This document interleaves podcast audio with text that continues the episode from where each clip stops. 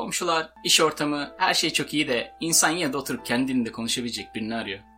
9 saat mesai, fazla mesai yok, %25 enflasyon, biri olmuş 10 TL. Telefon almak için kredi çek, 10 yaşında arabayı 10 sene önceki fiyatından al. Git de bir göre benimkini. Ama dayanamıyorum artık. Ailemi de çok özledim. Oğlum, euro ile poundla kazanıyorsun oğlum. Alırsın vizelerini, uçak biletlerini, getirirsin ailenin yanına. İki ay bıkıncaya kadar görürsün oğlum. Türkiye'deyken çok mu görüyordun? 15 gün iznin vardı. Zaten bir haftası Alaçatı'da ortamlarda.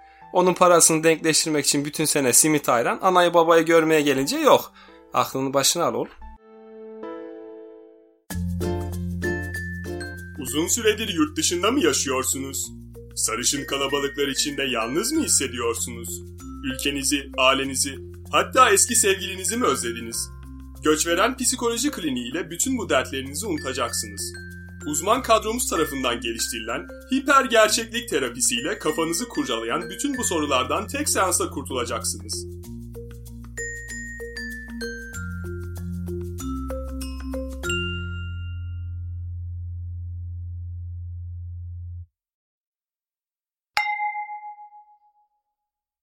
Hazır e, o zaman ben konuyu istediğim yere çektiğime göre soruyu soruyorum. Anladığım kadarıyla siz İstanbul'da har vurup harman savuran bu gece vardı gönlüm hovarda bir insandınız. O çılgın. Buraya geldikten sonra herhangi bir e, tasarrufa yönelim, İngilizlerden bir feyiz alma, e, hayatınıza maddi anlamda bir değişim oldu mu?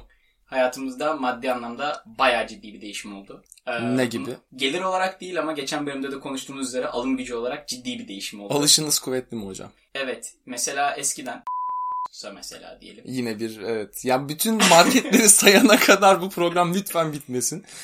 Gazozunu saymıyorum bile. Ürün yerleştirmeden bahsetmiyorum. Evet.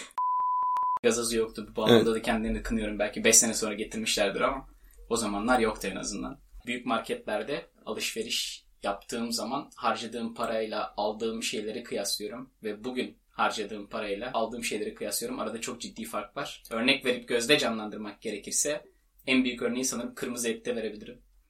Ee, ya şu an resmen şey moduna geçtim böyle. Biz burada eti 4 pound'dan yiyoruz. Siz orada bir ton para veriyorsunuz. Benim sorduğum şey o değil. Aa diye anlatmak bunu yanlış kılmıyor ki. Bu doğru. Evet. Ee, ve Ama hani, biz bunu çok Göçverenliğin en çok övünülesi yönlerinden biri. Yani gelin burası çok güzel derken saydığımız avantajlardan bir tanesi de kırmızı et. Kırmızı et tabii ki. Yani bayağı et. Hani ceset yiyoruz ama bayağı ucuz yiyoruz yani.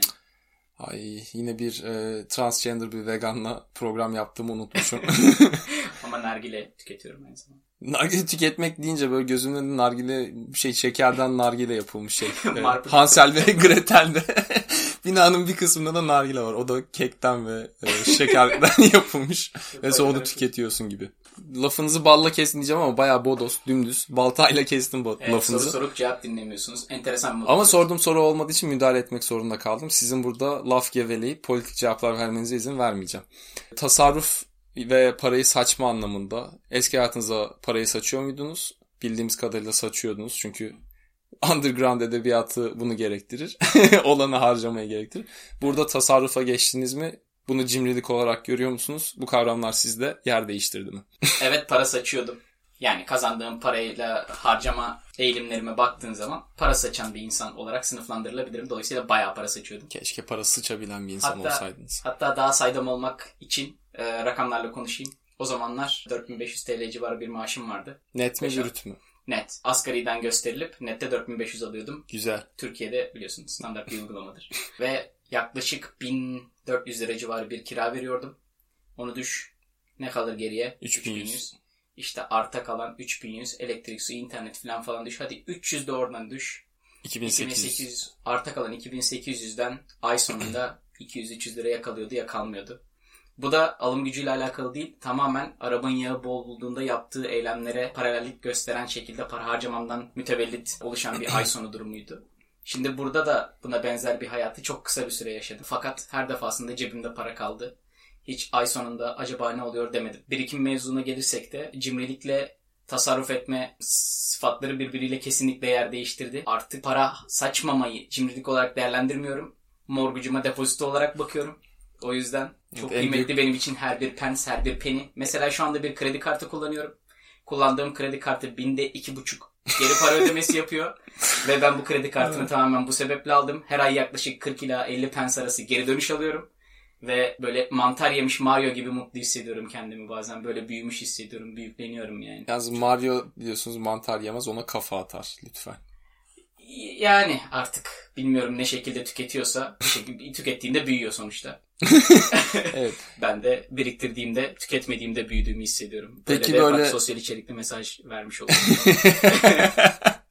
Peki böyle küçük küçük penslerinizi sakladığınız tatlış deri bir e, cüzdan, gavurun purse dediği ve bir miktarda bu kuponları, voucherları biriktirdiğiniz başka bir küçük kartlığınız var mı? Bu atıyorum işte Tesco'ya gittim biraya 20 pence indirim almak için bu voucher'ımı kullandım. Yok var. Ona ben karım diyorum.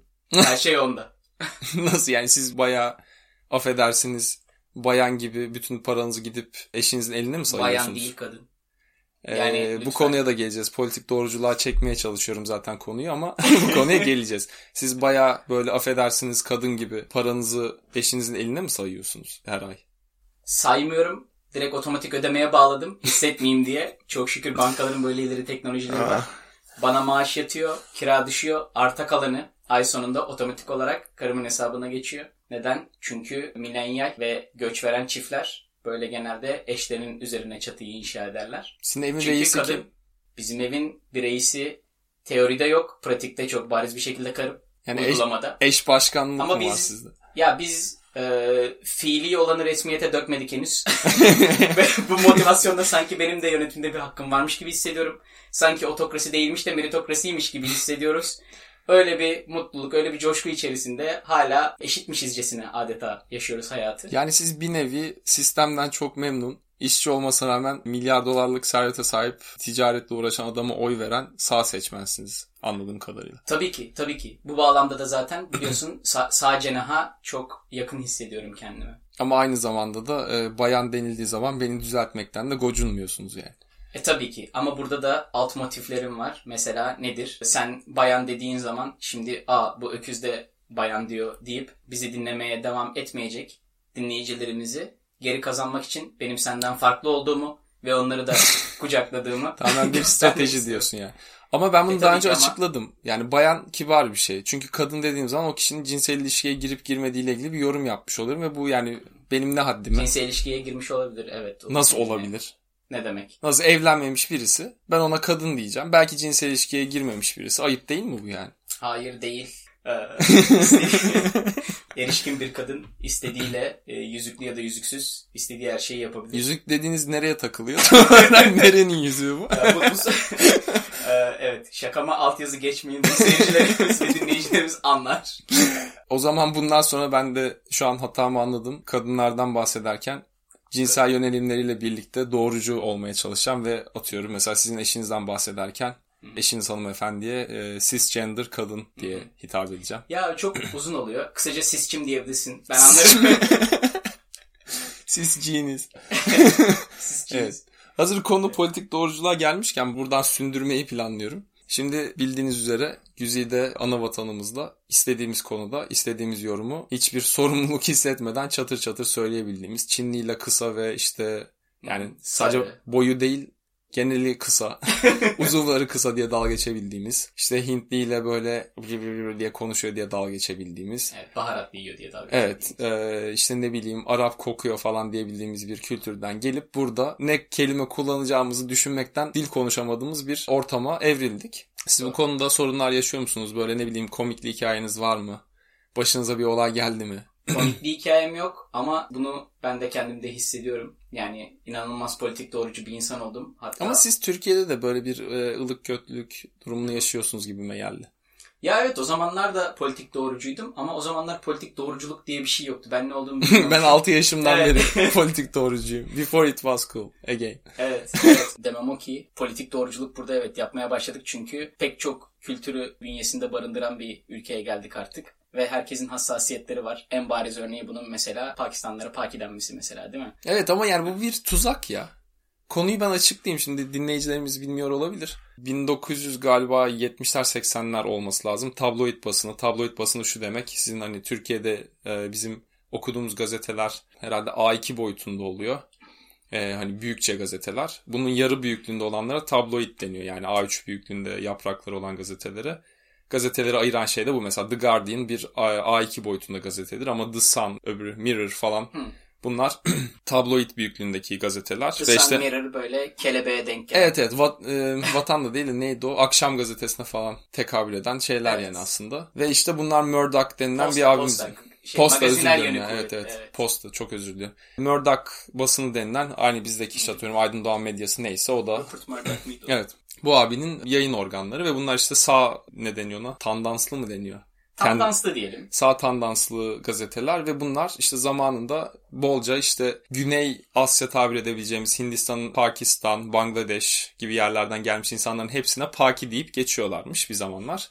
O zamanlar işte My Little Paki Friend falan demek de böyle gayet normal olduğu için Gü- Güney Asyalı arkadaşlarımıza büyük bir böyle alerji yaratmış ve o günden beri Paki lafını kullanmak büyük bir hakaret. Ama biz Paki lafının böyle bir anlamının olduğunu bilmeden gelip burada kullanıyoruz. Bana bir Pakistanlı arkadaşım, gerçekten Pakistan arkadaşım. Ben Paki dedikten sonra ya iyi niyetli olduğunu biliyorum ama böyle bir geçmişi var. Bence bunu kullanmasan iyi olabilir. Hani ben yanlış anlamam ama başkası yanlış anlayabilir diye. Beni uyarmıştı. Bence bu tuzak resmen yani. Sanırım şundan da kaynaklı yaşadığımız bir şey var. Şimdi biz yavaş yavaş ait olma çabasındayız. Dolayısıyla kimseyi kırmak, incitmek istemiyorsun ki o e, kabilenin bir parçası olabil. Bunun için de sürekli politik doğruculuk yapıyorsun. Geçen bölümlerde değindiğimiz anlamadığına gebeş gebeş gülmek bunlardan bir tanesi mesela kıh kıh kıh filan. Benim bu konuda aslında yani bu konuyu yayında bir madde olarak almamın sebeplerinden birisi şuydu. Mesela bu durum aslında bir hiyerarşi içeriyor. Politik doğruculuk. Yani hiyerarşi de sen e, bir topluluğun senden daha üstte ya da daha altta olduğunu varsayarak politik doğrucu davranıyorsun. Çünkü şöyle bir durum var.